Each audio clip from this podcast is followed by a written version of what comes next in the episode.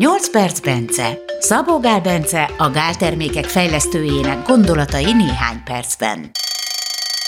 Vagy kicsit hosszabban.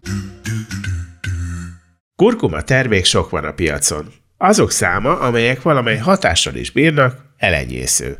Pedig van, aki még a hamisítástól is félti a termékét, pedig nem kéne. A gálvitaminok jelenlegi kurkuma készítménye az egyik legjobb hanem a legjobb. Ezt már a vásárlóknak kell eldöntenie. De jön az új kurkuma, amelyet Szabó Gál Bence mutat be a podcast hallgatóinak.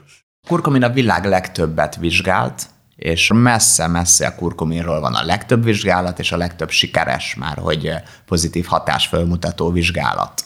Ugyanakkor, ha csak a kurkumint nézem, láttam egy ilyen vizsgálatot, ami meg azt mondta, hogy nincsen vele kapcsolatban hatásos klinikai vizsgálat. Itt arra gondolnak, hogy ha tiszta kurkumint nézek, akkor annak nagyon-nagyon rossz a felszívódása, hasznosulása, és így nézve, ha nem egy jó formulázás nézünk, tehát ha tényleg csak ott odavágják a alanyoknak a X mennyiség kurkumint, akkor abból tényleg ilyen talán 2000 mg-tól kezdődik az, amikor már bármilyen hatását észreveszik azért itt sem igaz, hogy ne lenne neki, de tény, tény hogy ilyen óriási dózis, 2000 meg 8000 mg-os vizsgálat van egy-egy, ahol a sima natur kurkumin az, az hatásos volt. Mi történik a kurkuminnal, ugye, amikor megesszük? Rosszul is szívódik föl, annak is nagy része a máj az konjugálja, tehát... Hatástalanítja. Igen, tehát hogy gyakorlatilag inaktív metabolitok keletkeznek belőle. Ha valaki tényleg azt csinálja, hogy sima kurkuma hmm. port eszik, hmm. semmi értelme. Valószínűleg a kurkuma pornak sincsen semmi értelme,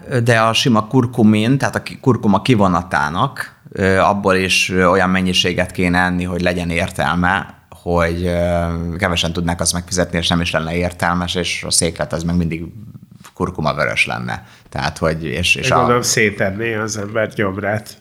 Nem biztos, hogy bajt csinálna egyébként a gyomorral, de kivéve, hogyha ugye fokoz az epe választ, aztán, hogyha valakinek eleve magas az epe termelés, akkor lehet, hogy neki hasmenést csinál, meg ilyenek, uh-huh. vagy akár hányingert, vannak vele problémák. Na most, ha megnézzük például a tradicionális ilyen ajurvédikus kurkuma készítményeket, már úgy értve, amiket, tehát az ősi preparációkat, meg ahogyan ők csinálják, vagy akár az ő ételeiket, akkor nagyon sok egyéb fűszerrel ugye együtt használják, és gível. Na most a gíben kifejezetten a gíre jellemző olyan speciális ilyen lipid struktúrája van, ami, hogyha azt úgy jól kevergetik, akkor gyakorlatilag nanotartományba kerülnek a kurkumából kioldódó, főleg a kurkumin, meg egyéb hatóanyagok, meg a benne lévő illóolajok. Van nekünk egy kurkuma készítményünk, már nem is tudom, 8 éve megvan, vagy talán 10 is, abban az időben ez a biokurkumin, vagy BCM95, vagy ma már kurkugrinnek átkeresztelt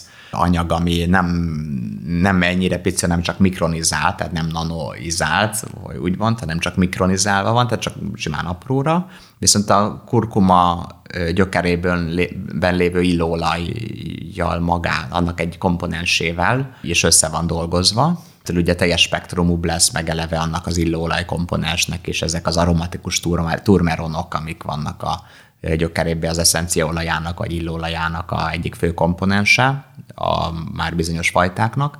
Ha ezzel össze van dolgozva, akkor, akkor olyan hétszer jobb a felszívódása, mint egyébként. Ez volt nagyon sokáig az egyetlen olyan módszer, amelyik a szabad kurkuminoidoknak a szintjét volt képes megnövelni a vérben, nem csak konjugált változatok, tehát nem csak az inaktív metabolitokét. És itt jön egy érdekes dolog, hogy, tehát én ezt választottam, ebben nincsen semmi károsság, de ez csak a kurkuminoidok, tehát a kurkuma kivonatból kurkuminoidokat tartalmaz, és a eszencia olajának a kivonatát, ez van, semmi egyebet nem tartalmazott. Ezért is volt szimpatikus, meg azért is, mert ez volt az egyetlen, ami, ami képes volt a szabad, tehát a hatásos kurkuminoid szintet is növelni a vérbe, nem csak az inaktív metabolitokét.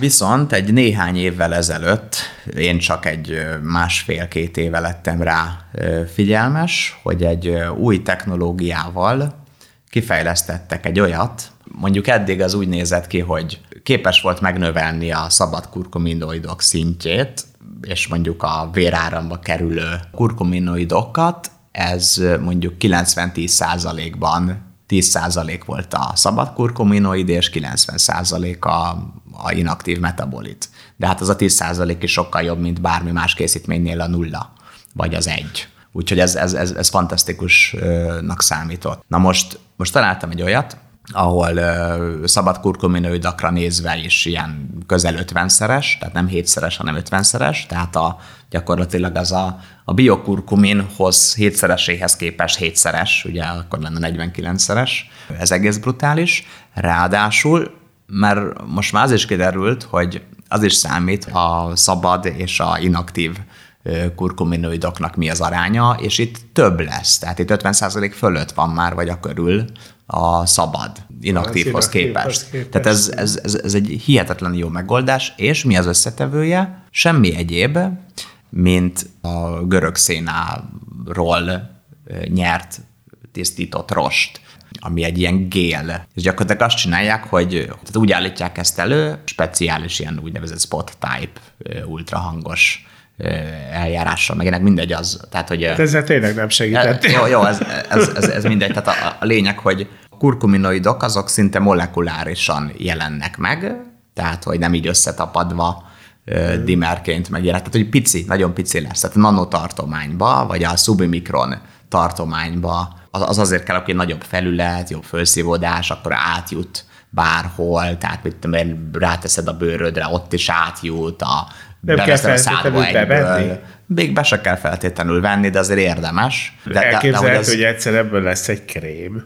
Igen, igen, igen. Ez konkrétan a fejlesztő professzor, aki nagyon lelkesen lecsetelte nekem, egy indiai professzor, hogy sikerült vele beszélnem hosszú idő után, és, de nagyon lelkes volt, nagyon, nagyon tetszett, mondta, hogy ha most lenne lehetősége, most menne egyetemre, meg ilyenek, ő már semmi mással, csak ezzel a technológiával foglalkozna. És ő biztos benne, hogy egész életében csak ezzel fog, mert tényleg egy akkora újítás hoztak létre. A technológia ez drága? A technológia az drága, uh-huh. de megéri, tehát hogy összességében attól függ, hogy mihez használod, mivel a kurkumin eleve drága, és az, hogy ilyen szintű hatásnövelés lehet belőle hozni, így a végtermék az lényegesen költséghatékonyabbá, tehát gazdaságosabbá válik. Tehát így nézve egy olcsó, tehát hatás per ár arányában így akkor egy nagyon gazdaságos termék jön ki annak ellenére, hogy ez egy piszok drága technológia. Hát én is nagyon lelkes vagyok most így ezzel kapcsolatban, hogy ez lesz egy, most ezt hatásfokát kell most mondjuk megítélned a saját termékedhez képest, tehát a nullához, mert a nullához mm. nagyon nehéz arányokat adni. Hét, hét. Én, én most azt mondanám, hogy egy hétszeres. Ahhoz képest ez olyan hát ami, amit eddig adtál, ahhoz ez, ez hétszer jobb. Kb. hétszer jobb. Jövő héten folytatjuk az új kurkuma bemutatását. Izgalmas lesz. Gellért Gábor vagyok, és arra kérlek benneteket, hogyha sokat akartok megtudni a vitaminokról, az ásványi anyagokról, a saját testetek működéséről, hallgassátok a 8 perc Bence korábbi és jövőbeni adásait.